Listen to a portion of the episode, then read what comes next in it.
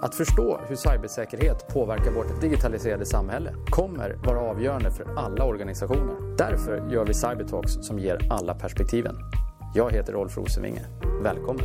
I veckans avsnitt av Cybertalks träffar Rolf Diana Selk Paulsson, Threat Researcher på Orange Cyber Defense. I avsnittet pratar de bland annat om hur det är att jobba som Threat Researcher. Men också om den stora Security Navigator-rapport som Orange släpper nu i december. I rapporten finns det många insikter kring pågående attacktrender, men även spaningar inför 2021. Hej och välkomna till ett nytt avsnitt av Cybertalks. Eh, den här veckan så har vi med oss eh, Diana Selk Paulsson från Orange och eh, vi ska prata om deras eh, nya Security Navigator Report som kommer ut alldeles strax. Det ska bli superspännande att höra vad som finns i den. Diana, welcome! Thank you very much for having me. So uh, really looking forward to this conversation. You know, it's it's Q4, uh, typically a time where some you know relatively large number of reports are, uh, are due and coming out, and uh, it's always interesting to read up. I had the opportunity to, to do a pre-read on your report. It's uh, actually uh, it's very tangible, it's very comprehensive, and it's so maybe the first question: when is it when is it out? When is it released? Uh, I, I think I need to double check that with the tense. yeah, so uh, uh, early December anyway. Uh, and uh, but also, first of all, welcome, Diana. It's it's great to have you here.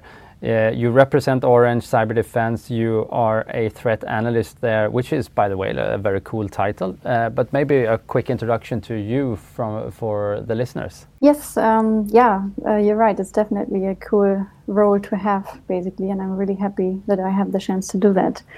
Um, so yeah, I basically work a lot with the data that we, you know, see at our customers at Orange Cyber Defense, um, and the way the way it works is that um, we we see security incidents at our customer uh, environments, and they are analyzed by our security analysts that we have in our cyber SOCs all around the world, basically. And I'm able to look at the end result of their analysis.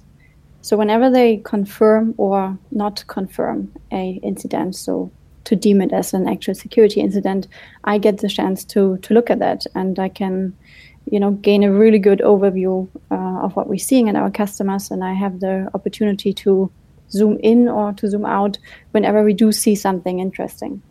So maybe you know and just to give a little bit more flavor to that so can you talk about you know you know you, you reference your your cyber SOCs globally but it's you know i assume that the data set behind this report is quite significant. So you know how many so, SOCs are you collecting incidents from? And and you know can you talk a little bit about the, the foundation for the data set and where it comes from? Yeah, definitely. Um, so we've collected data this year from 11 different cyber SOCs, and um, they are based all around the world. So we we have uh, a few cyber SOCs in Europe, Europe based, um, but also in, in Russia and in China and so on. Um, so we have collected over 45,000 incidents this year mm-hmm. that we have analyzed in this report. And, and I think we'll have a great chance to kind of deep dive into the report, but maybe also I'm still a little bit curious to, you know, so threat research analyst, and I think you started to to talk about that, but more exactly like, so, so what is it that you do as a, as a threat research analyst at Orange? Can you talk a little bit more about the role and, and what you actually do in that role? Because I think it's it's an exciting role in itself. Yeah, yeah, definitely. So as I mentioned a bit before, so I, I have a lot of access uh, to customer data, and it's um, it's a really fun task to do because you can you can really look at um, groups of customers based on their industry or on their size, or just if something very specific and interesting has happened.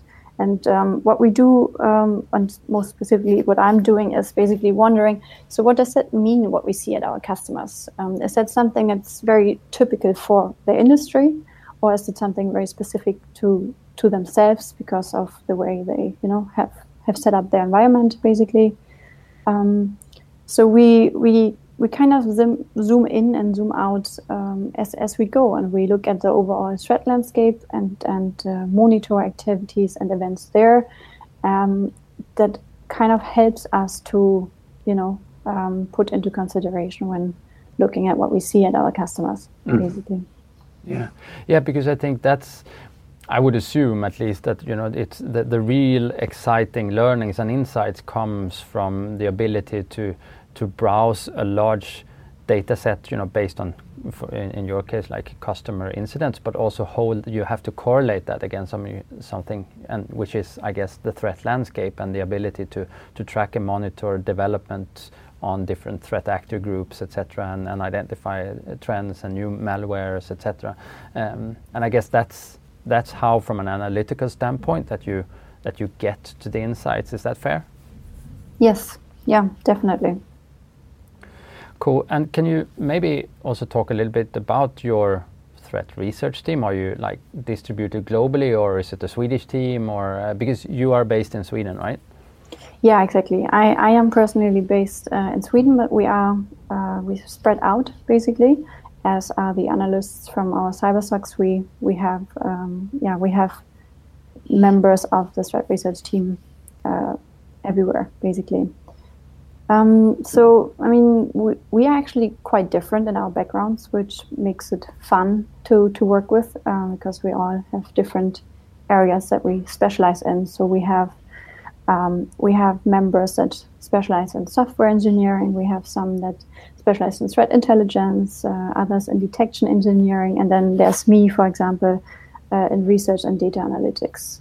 To have that as your special skills, right? So, where did you where did you build those skills, and, and maybe also for the sake of the listeners? So, so, so what's your background? How how did you end up in in in threat uh, research analysis? Yeah, uh, that's a very good question. Um, I think I'm not very straightforward in in my background. Uh, I, I, fear, but I think it's uh, it's a good thing. So my background was actually um, uh, social science. So I have a master degree in criminology, um, and I think I've developed the interest in cybercrime quite quite early, just because um, you know growing up in kind of a hybrid generation, not a generation that has not grown up with that kind of technology that we see today, the internet and smartphones, but also um, not that generation that is growing up with it, like something in between. And that it really fascinated me to to um, yeah look a bit at that basically and, and see how how we can choose to to learn more about new technology or how we inherit it by growing up with it.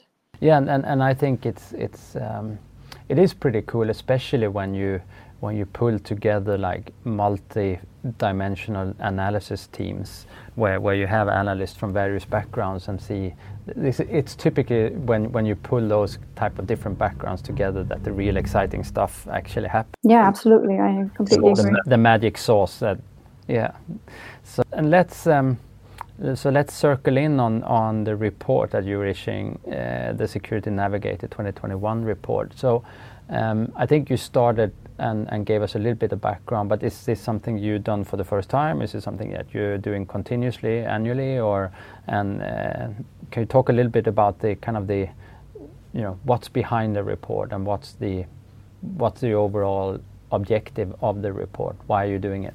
Um, it's um, it's the third year that we're doing this annual review, basically, and I've been part of it from the beginning. Um, so it started three years ago, where we wanted to take basically the opportunity to uh, to bring all our customer data together and analyze specific trends that we would be seeing, basically. And um, I think um, the way it uh, evolved is that we really reach out to all kinds of different units in cyber defense um, to to let them take part of it um, and kind of share their talent and expertise and experience that they have had throughout the year with our customers. So we we have pen test stories and we have stories from the CSIRT. We have the CyberSOC data that is actually only based on one uh, one main service, um, but we do have others. So the incidents that we are including in the CyberSOC statistics does not mean that this is you know the total amount of incidents that we're actually working with. Um, so it's even even for us a very cross department uh, exercise to do and um, we really want to show the customer what we have been seeing uh, trend-wise, incident-wise, uh, overall threat landscape. Um, that we, you know, take part in this as well, um, and and show them uh, hands on how it is to work with them throughout the year. And and I think you mentioned in, in the intro like you've analyzed like 45,000 incidents or something. And can you talk about if, if you were to give us like the executive summary what, what are the like top three findings uh, that, that you that you're kind of pulling together your message around and, and, and, and bringing to the market here?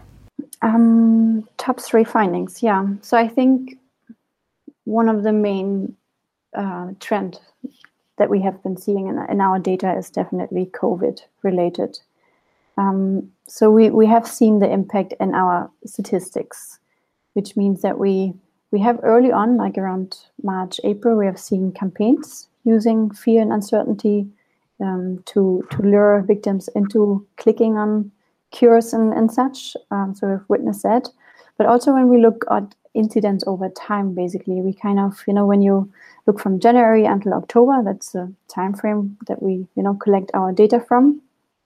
We can actually see that the year kind of starts out normally uh, with a yeah normal amount of incident volume. And we see quite a decrease in march and april. And um, we do think that this is due to you know the lockdown period and the changes that employees and users are facing during that time we um, dive a bit into regional areas in, in the report to explore a bit um, how you know the different uh, approaches to lockdown affected different incidents in, in the countries that we looked at. And, and we see basically after May or June, we, we find that the incidents return to normal again. Um, so it, it seems like the employees either have settled in at home or you know returned uh, to their offices. While we then see in July, a little bit of August, we see like a European vacation time that we have seen uh, over the years. And then August, September, and October, like the, uh, the last part of August, becomes just uh, very busy. So we see a steady increase, and that's something that kind of mirrors the overall activity of what we've seen uh, in the threat landscape.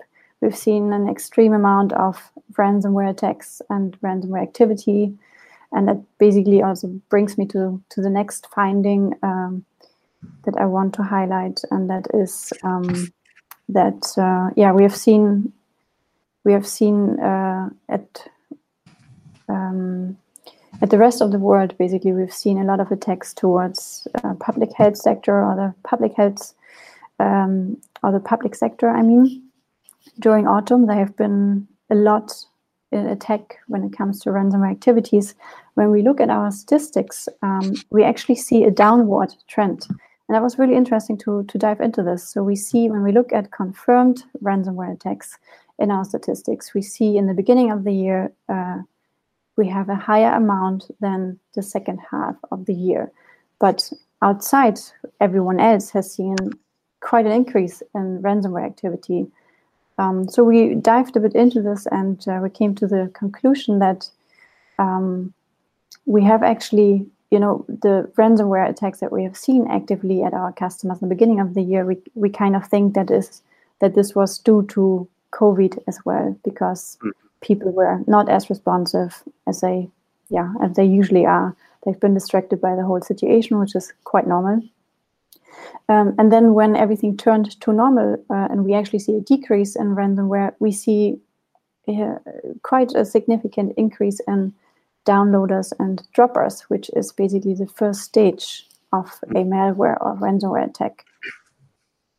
Um, so we thought that was very interesting because that means that we have detected and um, counteracted it after the first stage and it had not evolved into a full ransomware attack. Mm. Yeah, and and maybe a question on this also is so so so do does your analysis support that you may be going you know, or the attackers are used to go wide and and target a lot of different organizations and are now becoming better so they don't have to go as wide, uh, which at the end of the day would also suggest that once you are hit, the, likelihood is going up un unless you have implemented uh, you know relevant uh, Uh, controls and, and capabilities to defend against ransomware, or how, how do you see that? Um, so your question is if they if we see that they have specialized and that they target a wide range of uh, organizations. Yeah, so you, you mentioned that you have a, actually a decrease of overall ransomware attacks, right? Which is kind of surprising. So, so I guess my question is, is that do you think that is because that the attackers have also, uh, you know, developed their skill set that they used to go very wide, and then they are now able to go not so wide and more targeted uh, on on their victims, and and therefore the overall number goes down, but the consequences may be the same for those actually affected, or I don't think I would uh, agree with that. No, I think um, the amount of uh, downloader and droppers related, for example, to Emotet, uh, we have seen is exactly what we've seen in the overall uh, trend line and uh, the overall threat landscape. Um, what we're seeing is, or what we are saying in the report, uh, basically, is that that we think that we managed to, you know, put a halt to them before they mm. evolved and actual attacks. When we look at the ransomware activity and the groups that we see out there, I mean, uh, it's it's been very active and they have evolved for sure. Um, they are targeting yeah a wide audience uh, of of organizations and industries, and because it's been also so many groups, um, it's really hard to say. What we've seen is that they have specifically targeted healthcare and public sector um, but also others, of course. And they they do specialize. Uh, they they do evolve in in their abilities, and it's it's um, it's uh, not nice to watch. uh, uh really, because um, they are using more business models uh, as we see in any other normal business. They they don't need to be able to do everything themselves anymore. They don't need to be a malware author themselves. They don't need to distribute it themselves. They don't need to have the skills to um, have have a foot in the network. They can just buy that as a service, uh, and that's mm. what we're seeing a lot. Um, that there is ransomware as a service, and it's just components that uh, individuals or groups specialize, and they're offering it as a service. Yeah. No, thank you. And and I think it's interesting, right? Because if if you didn't agree, and which is fine, which is kind of also why I asked the question, but because I was curious to understand. So so if you you know we kind of then conclude that the overall ransomware activity um, is is is still the same or, or still increasing. But what you're saying, I, am trying to interpret now, is that so that you actually been able to stop a larger number of uh, of attacks before you know the the full business impact of that, which is kind of encouraging, of course, because that suggests that that you know um, great SOCs with with the right capabilities actually have the means to prevent the, the, the negative business impact. And can you talk a, about what you've seen when you looked across your global SOCs on you know what are the key capabilities? What is it that that kind of prevents the the uh, the, the ultimate negative business outcome from from materializing? Are there any conclusions there? What what are the basically what are the most effective uh, capabilities you need to defend your organization? Um, the most effective capabilities. Yes. So what's effective? From our side to, protect yeah, If, yeah, if you're defending against ransomware, what, and based on your report and, and what you do, and when you talk to your cyber SOCs across the world, what, what are the what, what's actually working to prevent ransomware from having that negative business impact? I, I will try to focus on, on a few. Um, I don't uh, I don't think I, I'm not claiming to uh, to mention all. So I think that uh, preventing it from the per- first place, uh, of course, is the most effective. So, uh, what we have seen, for example, in our CyberSOC statistics, is that we have uh, an increase in phishing um, uh, and thus social engineering. So, the attack vector by receiving emails that would, you know, you would be clicking on an attachments or links, for example. Uh, we have seen uh, a massive amount of adapting uh, remote uh, access because of the situation that we've been facing this year during the global pandemic. Um, and um, external systems uh, get get breached. Um, so protecting those assets basically, and um, yeah, um, let me let me think. Um, by by preventing those first attack vectors um, that uh, will help to prevent a whole scale of a ransomware attack. And uh, I think it is really important to protect your data because this is what we have been seeing this year, especially. Um, it's it is uh, it's a new it's a new thing to to use the data as a leverage and threaten organizations to publish data. So until mm. now, the traditional way of ransomware attacks that we have seen is that you know they kind of get access to to the network and they encrypt your your data and your files, and um, they want to be paid in order to you know receive the de- decryption key.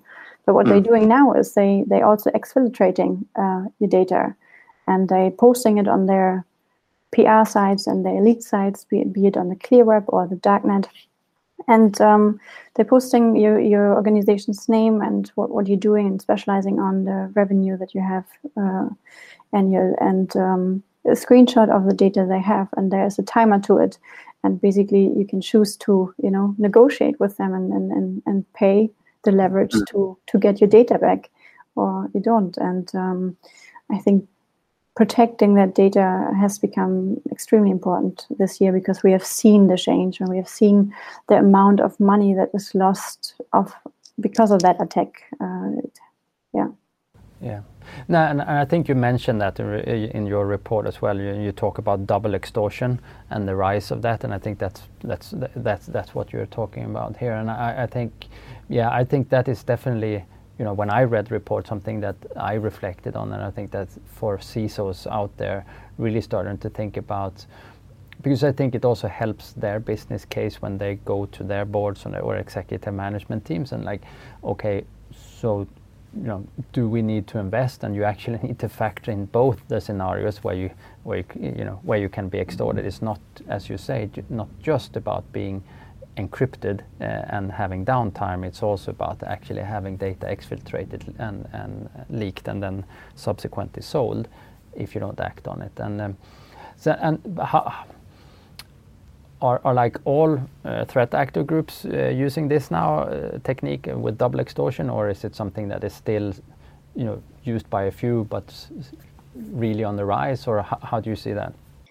Um, I think it has developed this year basically. So it was one ransomware group that has started with it that was extremely active or started to be active uh, late 2019 and has been very active um, throughout 2020, basically.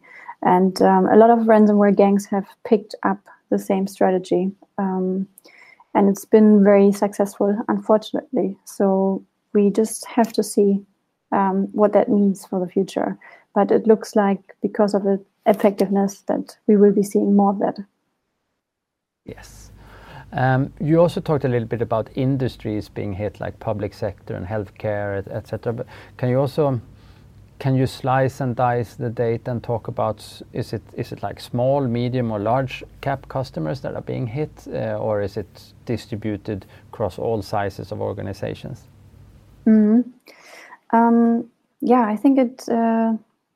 What we have seen in our data this year is that uh, we have seen an unusual amount uh, of incidents uh, on average at small organizations. Um, they have just, yeah, it just, uh, we came across it a, a, few times when we analyzed the data. Um, when we when we look at uh, not just incidents, but you know what kind of confirmed incidents, we have seen that small and medium organizations have had a lot of malware actually. And that can be anything. It doesn't have to be ransomware related necessarily. It can also um, just be by, as I said, detecting a Trojan or a downloader dropper, which are the first stage uh, of a ransomware attack.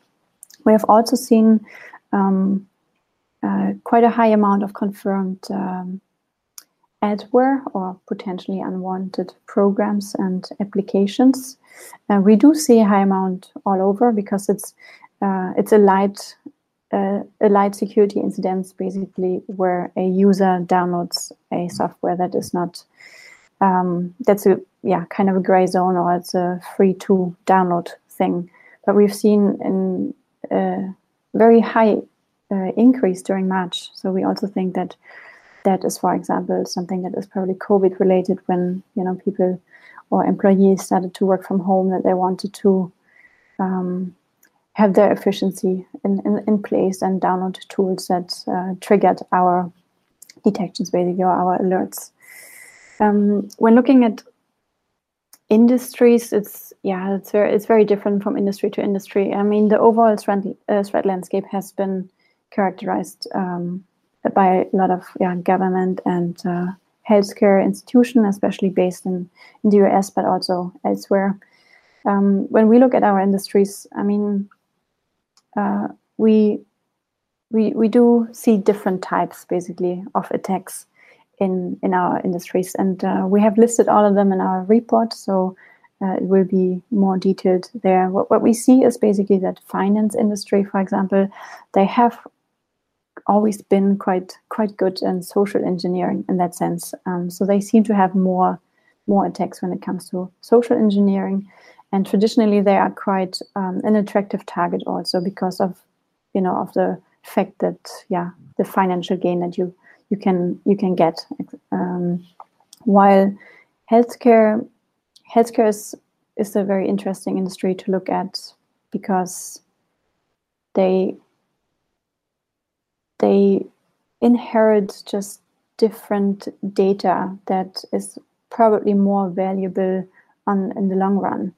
Um, so when we look at breaches uh, at the finance sector, for example, uh, credit card credentials, um, you know, as soon as you as, as you realize that, or you know, the, the breach, um, you can you can block you can block uh, those information. But in healthcare, for example, if your personal identifiable information gets stolen plus your healthcare record, that's a whole different story. It's nothing that you can change or um, mm. uh, you know block and uh, not not being leveraged. We've seen attacks um, from from hospitals. Uh, like there was an example with a Finnish uh, hospital uh, just now in September that was breached, where the victims were actually contacted by the attackers and um, yeah, the the Vastaamo incident exactly. Yeah.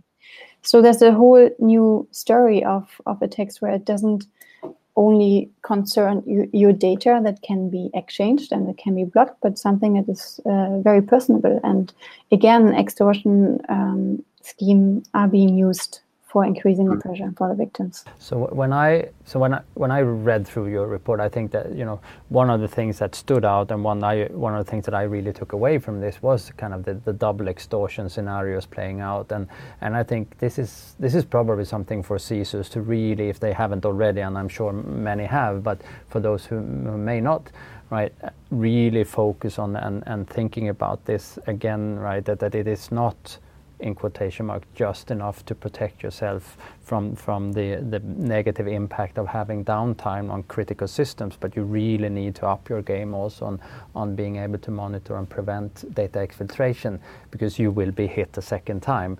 And and I think I think that's a really good thing about this report because I think it brings that forward uh, and and to me that that is one of the key trends to really have focus on if, if you're a CISO leading a security function for an organization and really think about this. So how can we, uh, how can we adjust what we're doing to support both those scenarios, if you like? Would you agree? Is that a uh, fair summary? So um, maybe a couple more questions also because um, as a threat research analyst, I'm sure Uh, I'm sure you also get to follow a lot of the threat actors. And, can you talk a little bit about the development on the threat actor side?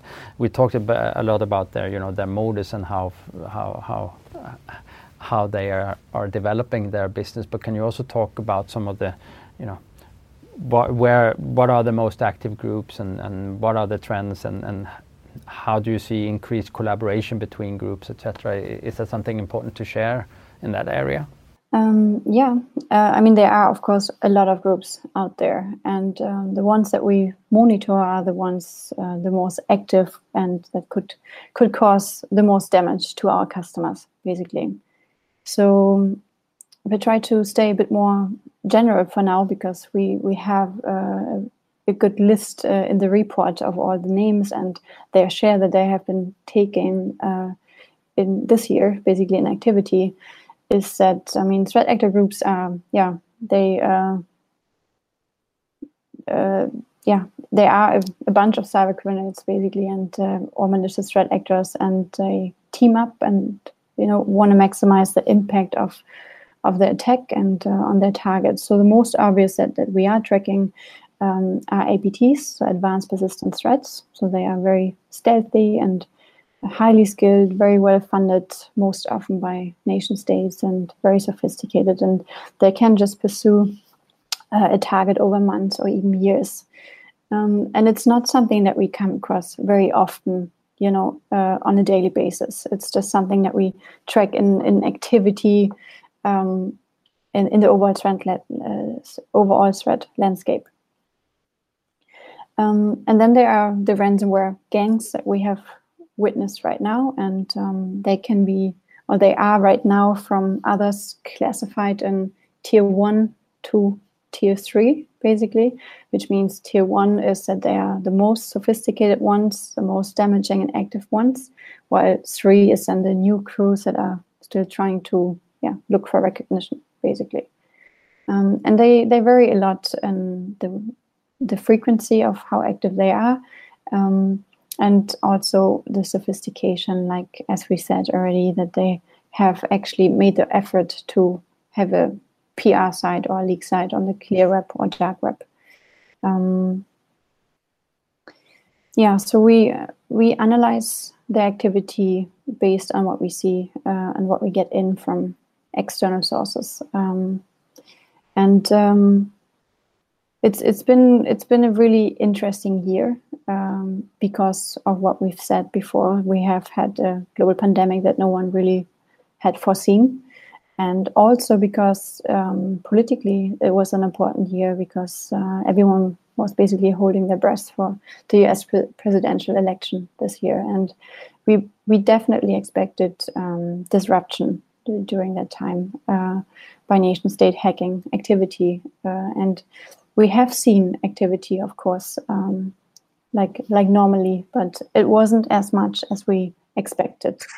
But then, on the other hand, we have not expected as much ransomware activities as, we have seen, plus the new ways of shaming and extorting the victims. Um, uh, and we have seen a lot. Um, so, yeah, it's been an interesting year tracking those groups. And um, I think we have more details on which groups uh, in the report. No, definitely an interesting, uh, interesting year and lots of stuff happening. Um, in the report, and, and I think uh, one of the things that I also thought was pretty cool is that you, you also talk about predictions. So you, you have a forward looking uh, analytical approach as well.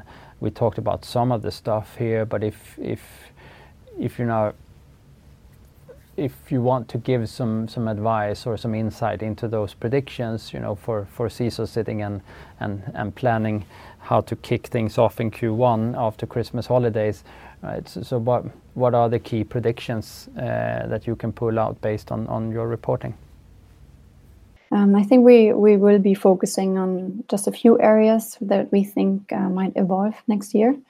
Um, so yeah, as we talked already a lot about, we will definitely see um, threats evolving into more service oriented offering, um, um, which which makes you know cyber the cyber criminals don't have to have uh, skills of their own, and it makes conducting cybercrime just more accessible for malicious actors.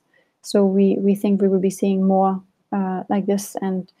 Um, uh, the same goes for vulnerabilities. Uh, we have a section in the report where we look at um, uh, overall or like general vulnerabilities and uh, vulnerabilities in security products. And we've seen actually a really interesting trend where uh, while the overall or the general vulnerabilities have decreased in, in May, which was still um, like a time of, of, of, lockdown for most of the regions, we've seen quite an increase in um, vulnerabilities and security products. And um, when looking at, at the fact of how long, uh, on average, customers need to patch, and also just on the fact that um, it, uh, vulnerabilities are used actively uh, in the wild and by state nation actors, um, it, it becomes really important uh, to patch in time.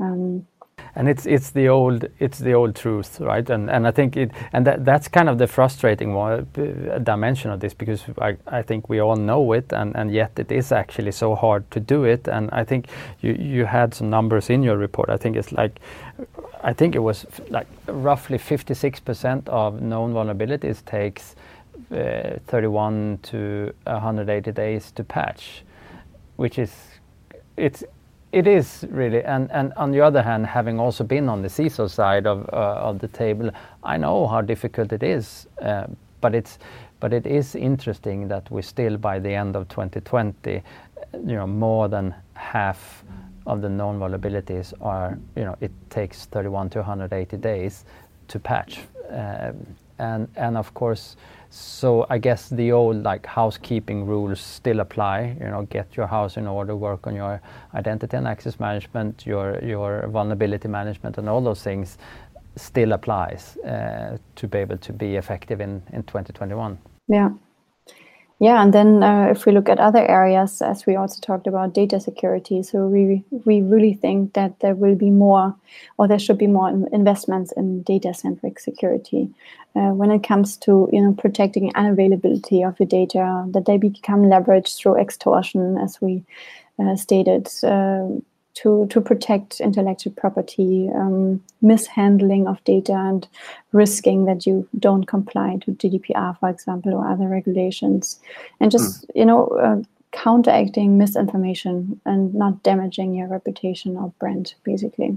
No, and thank you. And you know, time flies, um, and in Cyber Talks uh, episodes, we typically kind of finish off with a with the same question to all guests, and I'm um, and the question is basically if you want to share like a book or movie or podcast or something that has either inspired or informed you, and I I'm really looking forward to see what what you as a threat research analyst are bringing to this table, whether it's a, a very job focused one or is it if it's something completely different. Uh, but uh, what you would like what do you want to share with with our listeners?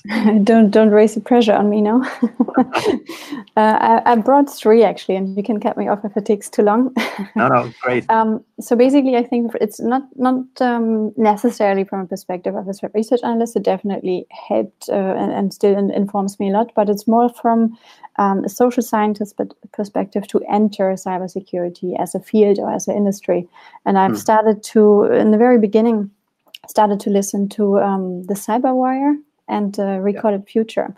And they were actually very accessible, in my opinion. So even as, as someone um, more from the social science side, uh, I managed to um, kind of catch up quickly on, uh, yeah, just like uh, the the overall discourse of, of that industry and the names of groups of uh, variants and uh, ransomware gangs and stuff like that. And they're really good in including all kinds of disciplines. It's not just um, IT, it's not just IT security. They look at geopolitics and, and such, and they have very interesting guests most of the time. Um, and then the third one is um, an essay, actually, that I've just recently come across, but it's been out for, I think, one and a half years and it's from Bruce uh, Schneier. And he's been writing about public technologists, and I've actually never heard about that term before. Um, I was really happy to to come across it, and um, yeah, he wrote an essay on cybersecurity for the public interest. Um, it's basically uh, saying that um, in order to combat tech technological issues um, and challenges, we need often, you know, societal change, and that is driven by um, policies and uh, eventually law. Um, so that makes it tricky to to have a conversation that you know policymakers should actually create uh, yeah policies, regulations, or laws that will impact us as technologists. And he kind of, as I understand him, at least uh, drives for working together and really encouraging also other disciplines such as social science, but also policy making, lawmaking, to um, to work together as technologists. Mm. Yeah, probably very much needed. Yeah, yeah, I I absolutely agree. And and you, did you have a third? Or no, is that the Security Navigator? That was my third because Cyber, uh, Cyberwire and Recorded yeah. Future were yeah. two. Mm. Excellent. No, and thank you for that. And I really like the uh, the combination of some you know pretty narrow uh, stuff that you know is very industry specific, and then also kind of broadening out and, and reflecting on on how our industry fits in into wider society and digitalization of, of that society. So no, thank you for that. And uh, with that, Diana, it's been a great pleasure to have you on. Thank you for sharing all the insights on your Security Navigator report. Yeah, thank you very much for having me. And to all listeners, until next time. Podden är ett samarbete mellan Cyber Insights och Orange Cyber Defense och spelas in och klipps på Media.